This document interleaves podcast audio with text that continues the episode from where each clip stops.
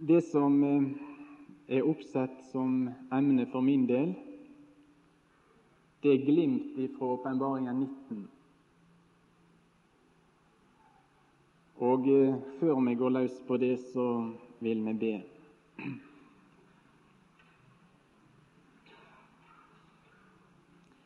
Vi takker deg, Far i himmelen, for det som du har minnet oss om alt i dag. Takker vi for ordet ditt takker vi deg for din hellige ande.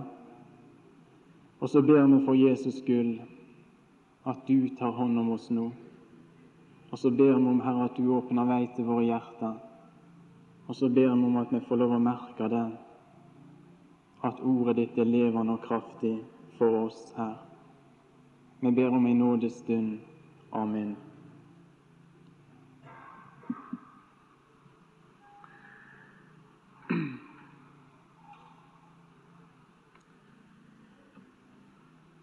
Før vi går til Johannes' Oppenberg 19, må jeg bare få lov å ta med veldig kort eh, noen få ting om denne boka, som da har fått navnet Johannes' åpenbaring.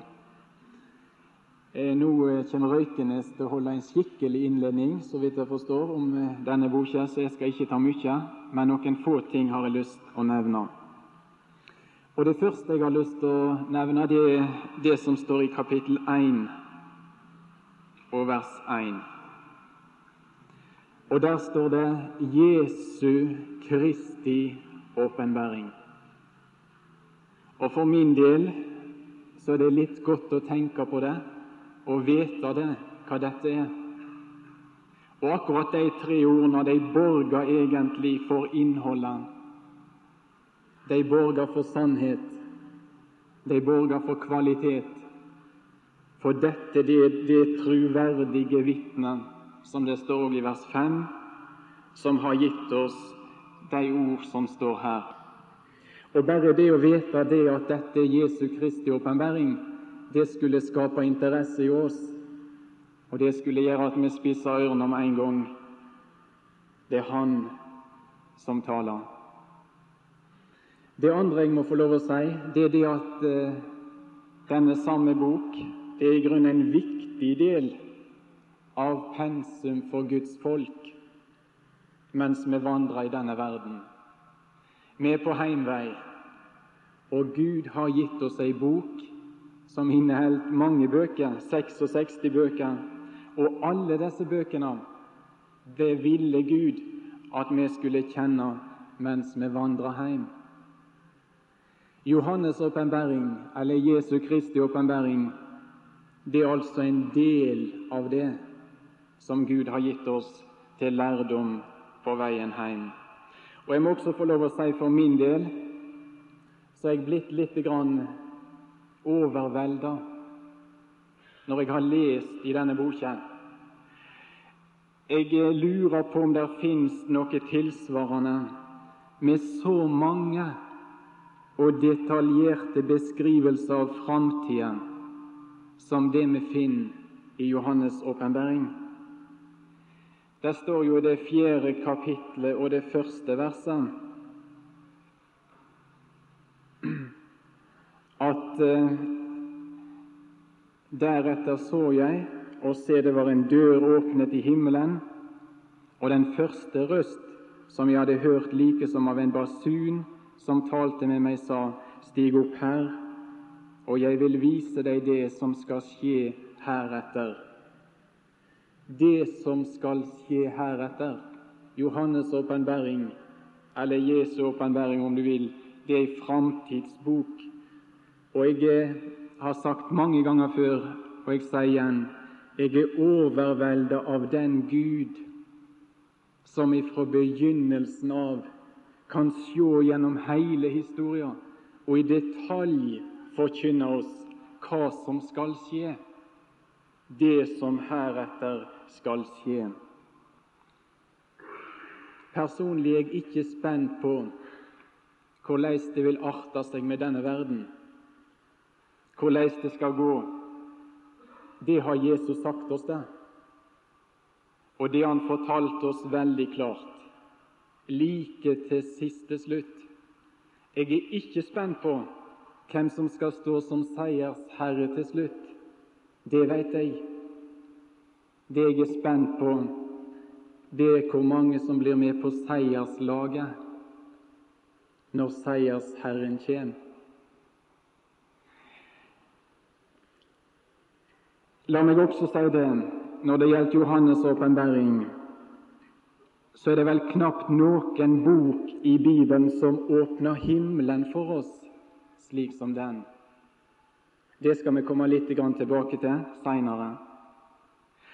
Og jeg lurer også på om det er noen bok i Bibelen som har så mange presentasjoner og beskrivelser av Jesus som vi finner i denne bok. Jeg tror jeg telte fort, og kanskje galt, men ikke veldig galt, til ca. 20. Jesus-maleri, om du vil. Og jeg lurer også på om det er noen bok i Bibelen som har så mange tilbedelsesscener som Johannes' åpenbaring. Du vil finne skarer, du vil finne flokker, du vil finne forskjellige skapninger og vesen som tilber Gud, som tilber lammet. Jeg tror du skal finne ca. 20 også av det. Og du finner vel heller knapt noen bok i Bibelen der kampen mellom de to store maktblokkene er beskrevet så klart som i Johannes' åpenbaring. Kampen mellom lys og mørke, mellom Gud og hans flokk og Satan og hans allierte. Nå har denne boka mange vanskelige avsnitt. Det synes jeg òg. Og Jeg kan vel bare si også at det er mange ting jeg ikke forstår. Men allikevel, denne boka er ikke gitt oss fordi at vi skal legge den vekk, men den er gitt oss fordi at vi skal studere den og bruke den. Og det som står i vers 3, det kunne jo også være vel verdt å ta med seg når det står 'salig er den'. Det er god nistepakke å ta med seg når du begynner på Johannes' åpenbaring.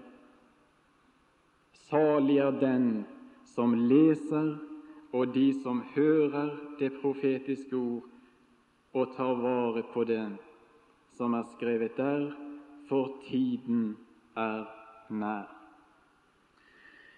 Jeg tror ikke jeg vil si mer om det, men nå skal vi gå til det 19. kapitlet, og så skal vi begynne lite grann i vers 1.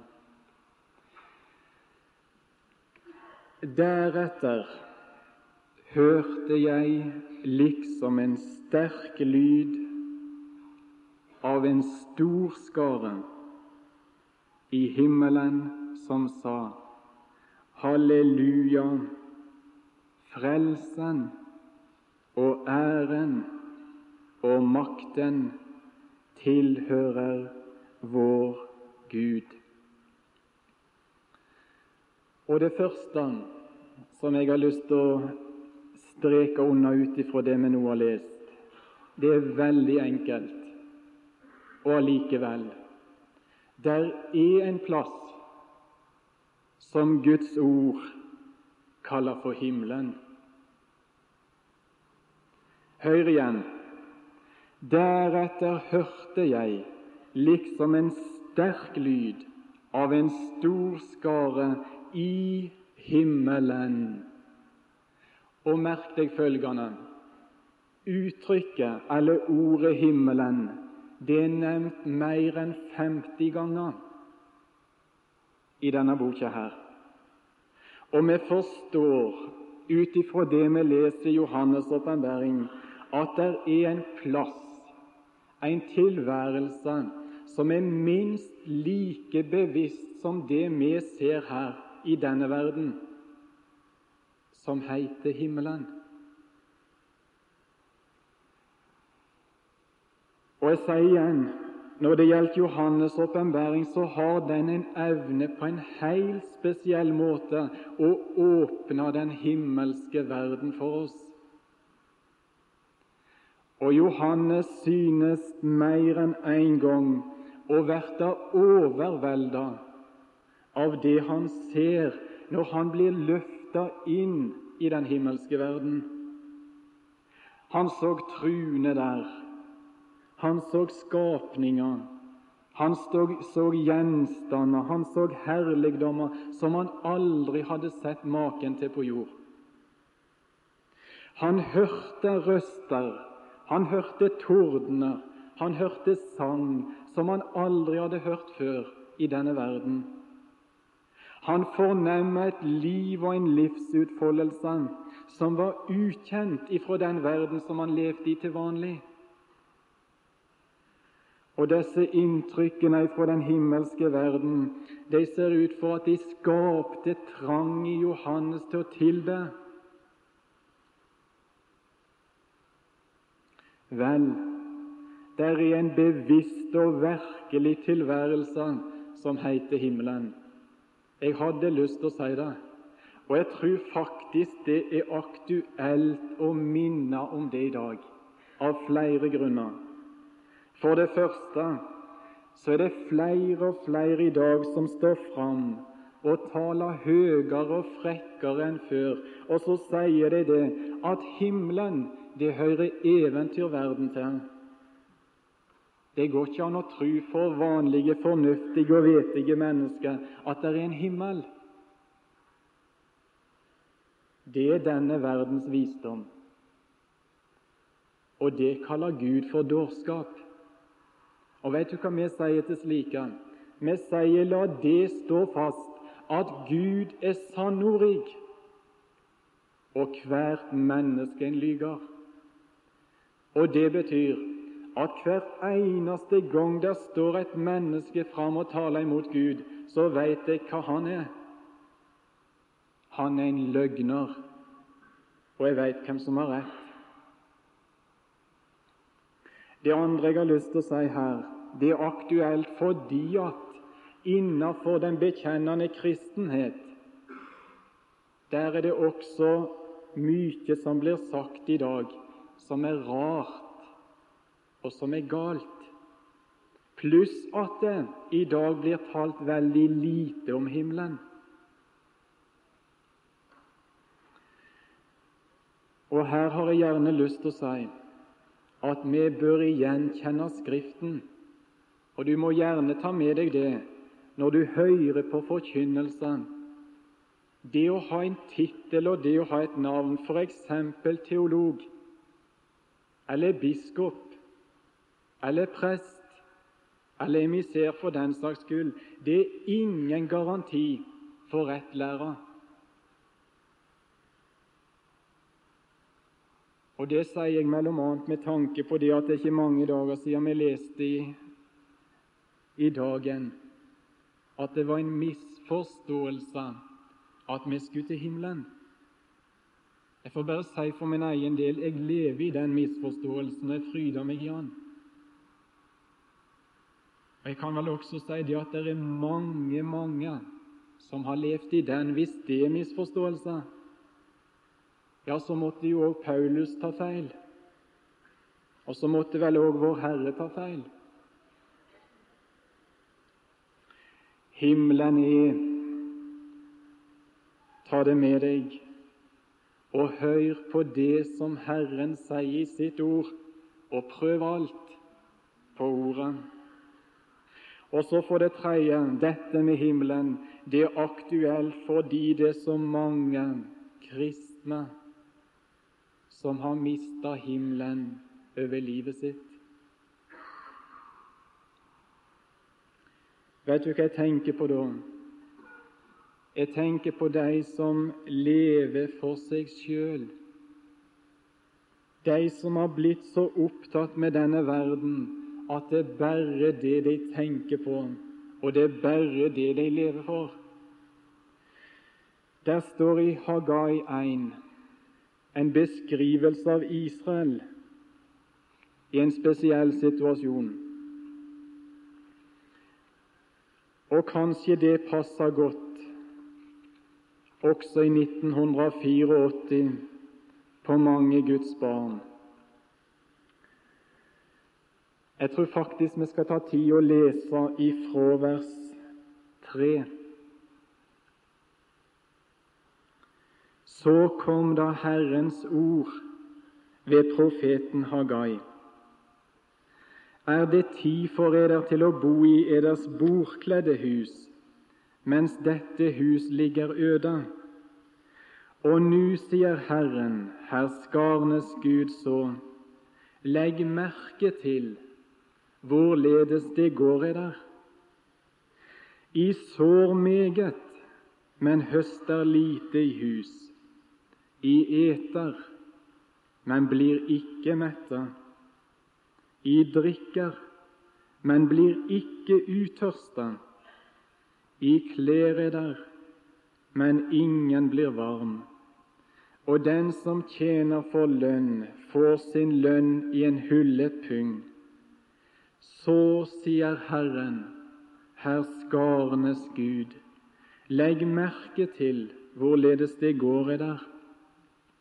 Gå opp i fjellene og hent tømmer og bygg husa, så vil jeg ha velbehag i det og herliggjøre meg, sier Herren. I vent er meget, og se, det blir til lita. Og når I bærer det i hus, så blåser jeg det bort. Hvorfor, sier Herren herskarnes Gud, fordi mitt hus ligger øde, mens I har det travelt, hver med sitt hus. Derfor Og hør hva Herren sier så. Derfor har himmelen lykket seg over eder, så den ikke gir dugg, og jorden har holdt sin grøde tilbake. Du ser situasjonen. Et folk av materialister, et folk som tenkte på seg og sitt. Og så kom Guds rike og Herrens hus til sist. Hva opplevde det folket? De opplevde en lukka himmel over sine liv. Hva er det som har skjedd i vår tid også, i uhyggelig sterk grad?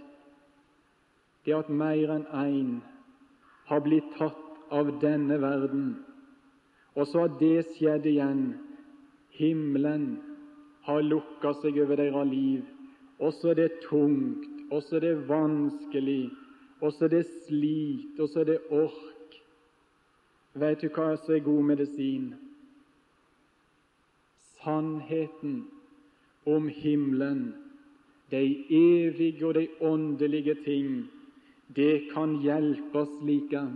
Og det å få lufta blikket sitt, så en ser de himmelske ting og blir opptatt med de himmelske ting, det skaper også et annet liv i denne verden.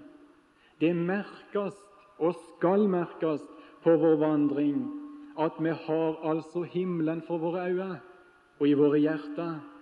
At vi er et himmelsk folk som er på vei hjem.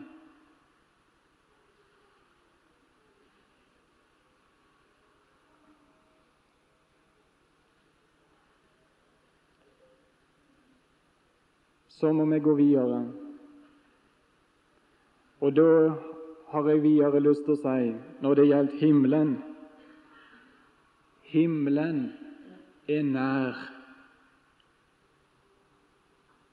La oss gå til Johannes' åpenbaring 4. Dersom vi skulle finne ut hvor himmelen var, og begynne å måle, så kom vi ingen vei, verken i kilometer eller mil eller lysår. Vi måtte si som Guds ord sier, at himmelens høyde er uransakelig. Vi ville aldri finne den plassen. Uendelig langt borte, slik sett. Og så allikevel, kjære forsamling, himmelen er veldig nær. Hør nå Johannes' åpenbaring 4. Deretter så jeg og se, det var en dør åpnet i himmelen, og den første røst som jeg hadde hørt like som av en basun som talte med meg, sa:" Stig opp her, og jeg vil vise deg det som skal skje heretter. Og hør nå neste ord. Straks var jeg bortrykket i ånden, og se, en trone var satt i himmelen. I det neste øyeblikk var Johannes i himmelen. Det ene øyeblikket står han på Patmos, og i det neste øyeblikk så var han i himmelen. Det var ingen lang reis. Det var ikke lysår, men det var et øyeblikk, og så var han der.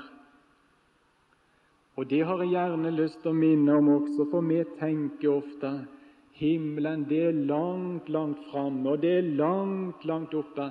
Det kan være et steg, og så er du der. Det kan være et øyeblikk, og så er du der. Og det er ikke sikkert at himmelen er så langt vekke for noen av oss som er samla her. Var det ikke på bibelkurs vi hørte fortalt om jenter som kom ifra søndagsskolen? Og så hadde de talt om dette med himmelen, og så var ikke det alt hun hadde forstått, og så klatra hun opp på fanget til far, og så måtte han forklare nærmere. Og så talte han om lufthimmelen og stjernehimmelen oppom der, og den tredje himmel, eller paradis, som var enda lenger oppe en eller annen plass. Og så sa de at denne jenta sprang ut, og så var det noen minutter. Og så kommer de bærende inn igjen med oss og dø.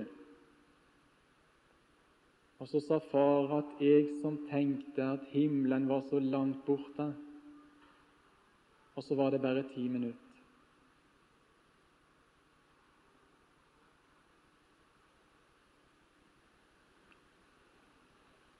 Du får rekne med det, venn, at himmelen er nær. Det ringte en telefon en morgen. Så var det en bror som var flytta. Og så sa hun som ringte, det var bare et sukk. Og så var han borte. Og så kunne vi føye til, og så var han i himmelen. Er du klar til å dra? Er du ferdig til å stige inn i den himmelske verden? Himmelen er nær. Og det neste vi må si om himmelen, den har et veldig innhold. Det ser vi så tindrende klart når vi leser Johannes' åpenbaring. Og nå vet ikke jeg hva som eh, taler sterkest til deg når du tenker på himmelen og leser om himmelen, men det er vel mange ting. Og det ser vi også i Johannes' åpenbaring, som kan imponere oss og overvelde oss, slik som også det synes å gå og gikk for Johannes.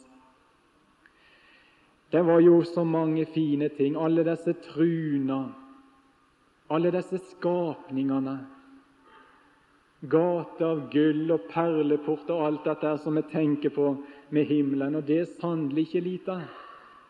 Og Personlig er jeg så barnslig og så enfoldig at jeg tror det skal bli akkurat slik som det står beskrevet i Guds ord.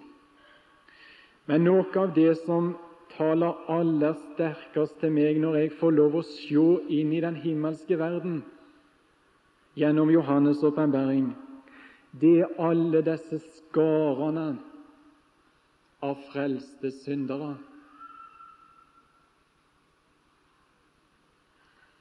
Og la meg bare få lov å si hadde det bare vært en eneste en frelst synder i himmelen, så var det et mektig under av Gud.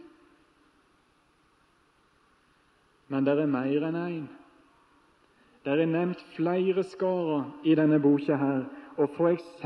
i Johannes' åpenbaring 7 så forteller Johannes om en stor skare som var så stor at ingen kunne telje dem. Og så føyer jeg til det er bare en liten del av de himmelske og av de frelste i himmelen.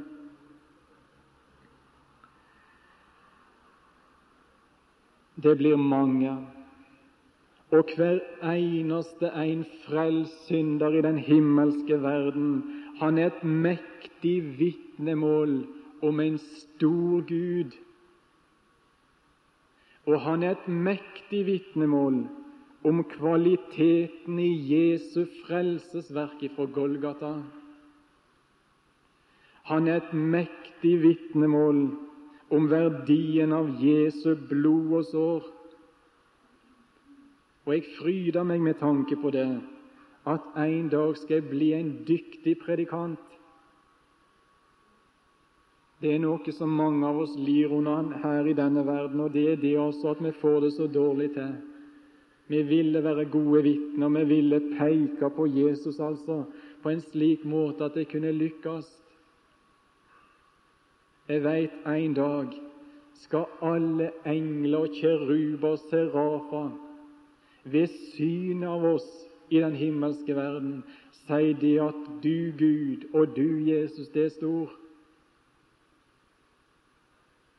Det blir fint når jeg skal være Hans nådes herlighet til pris.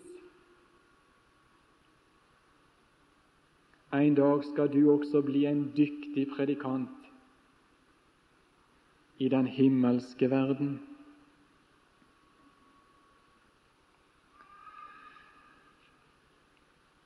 Åpenbaringen 19.1 igjen. Deretter hørte jeg liksom en sterk lyd av en stor skare i himmelen. og for et under! Nå står det ikke spesifisert hvem denne skaren bestod av, og det kan vel være ulike oppfatninger, og vi skal ikke gå inn på det. Men jeg har likevel lyst til å si noen få ting om denne store skare som Johannes så her. Og Det jeg først nevner da, det var ganske enkelt det var ingen taus skare. Deretter hørte jeg liksom en sterk lyd, men det var ikke bråk, det var ikke larm. En sterk lyd av en stor skare. De hadde et klart vitnemål, og det var ingen problem for Johannes å oppfatte det de sa og den sterke lyden synes å være et uttrykk for takk og tilbedelse jo disse. De hadde noe å vitne om, og de hadde et mektig vitnemål. Ingen tauskare. Jeg tenker av og til på det når vi reiser rundt i i, i bygdene her. Av og til gir vi ordet fritt, og så er det så ofte taust. Så er det så ofte stilt.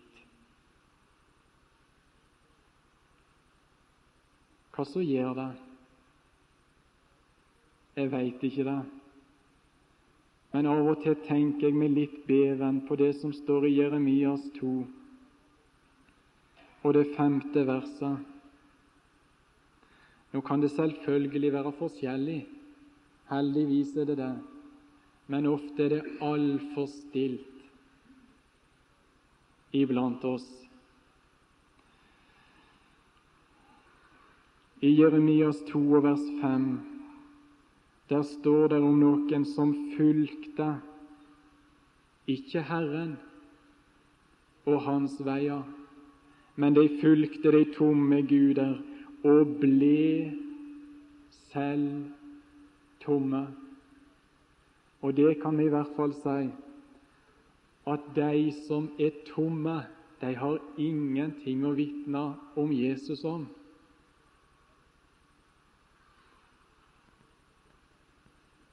Det spørs hvor vi lever henne. Det spørs hva vi fyller oss med. Det spørs hva vi ser. Det spørs hva vi er opptatt med. Og disse, som Johannes ser i åpenbaringen 19, de var klarsynte. De ser tingene slik de virkelig og så er det en sterk lyd av en stor skare, og så er det et mektig vitnemål om en stor Gud. Og La oss nå til slutt lytte litt til deres vitnemål. For det første sier de halleluja, og det betyr, så vidt jeg veit, pris Herren. Det er sammensatt av to ord, og det ene det er da et verb som går på dette med å lovsynge eller prise Herren. Og det andre det, eller det andre det er Javé, eller forkorting av Javé, Herren. Dette er den første plassen i Nytestamentet at dette ordet er brukt. Ellers kjenner vi det godt ifra salmene i Det gamle testamentet. Og her i Johannes' åpenbaring der møter vi dette ordet fire ganger. Og Vi skal komme tilbake igjen til det, men det taler litt til meg, disse hallelujaropene som runger i den himmelske verden. Disse som føler en trang til å tilbe Gud, prise Han. Og litt av det, det er grunn til det det kommer etterpå. Frelsen og æren og makten tilhører vår Gud. Vi kan ikke gå veldig inn på disse tingene, men det er kjente ting, og det er fine ting de er opptatt med i himmelen. La meg bare for det første si det er vår Gud det dreier seg om, alt i sammen. Det er ikke et ord om Buddha og Muhammed og disse andre guder og avguder og halvguder som denne verden har laga seg. Men i den himmelske verden, der er de opptatt med vår Gud. Og så roper de til oss igjennom Johannes, vi som er underveis. Det holdt, det stemte. Det var sant, det den boka sa. Det var sant, det evangeliet forkynte. Jeg opplever dette ropet som ei helsing ifra himmelen på veien hjem. Frelsa tilhører vår Gud, og det gjelder den personlige frelse, som disse sikkert hadde opplevd. Men det gjelder også det som står i kapitlene før her og etterpå, nemlig om den Gud som skal gripe inn i verden og frelse verden fredsfyrsten, han som skal ta makten en dag, han som skal rydde ut all satanskap og djevelskap, all vondskap og all elendighet. Og jeg er så inderlig glad fordi jeg kjenner Han. Først og fremst Han som frelste meg en dag, men også Han som skal gripe inn og få skikk på denne vår verden og du skal vite det var mange som lengtet etter det øyeblikket, både i himmelen og på jord, når Han skulle komme som denne verdens frelser. Frelser tilhører vår Gud. Men det var ikke bare det de sa. Æra tilhører vår Gud. Og de forsto det så tindrende klart når de sjøl var der i himmelen. Det var ikke deres ære, men det var hans. Og de forsto det med tanke på det som Gud skulle gjøre i verden, i historia. All ære, det tilfalt Han. Det var ikke mennesker som var så intelligente. Det var ikke mennesker som klarte å finne ut løsninger på verdensproblemene, og så fikk de ære. Nei, men når Gud fikk skikk på verden, så var det han og han alene. Og i hans visdom det hadde sin opprinnelse og utgang og alt. Og så roper de så det runger gjennom himmelen, at æra, den tilhører Han. Og så roper de en ting til, og det er det altså at makten tilhører Han. Det så ikke sånn ut på jord i kapittel 17 og 18 i Johannes' åpenbaring. Og det så sannelig ikke sånn ut lenger framme heller. Tvert imot så så det ut for at verden var løs og gikk sine egne veier, og at Satan og Antikrist og den falske profet de hadde liksom overtatt alt. Og de styrte og regjerte som de ville, og de dirigerte folkene og massene slik som de ville. Men i himmelen så de veldig klart. Og så roper de så det runger altså i himmelen at makten, den tilhører vår Gud. Og med tanke på ditt personlige gudsliv så synes jeg det er veldig godt å få lov til å minne om det, at Han er den allmektige. Ingenting er for vanskelig for Han. Og så vandrer jeg her på vei imot den himmelske verden i sammen med Han. Så får ikke du glemme himmelen, du heller.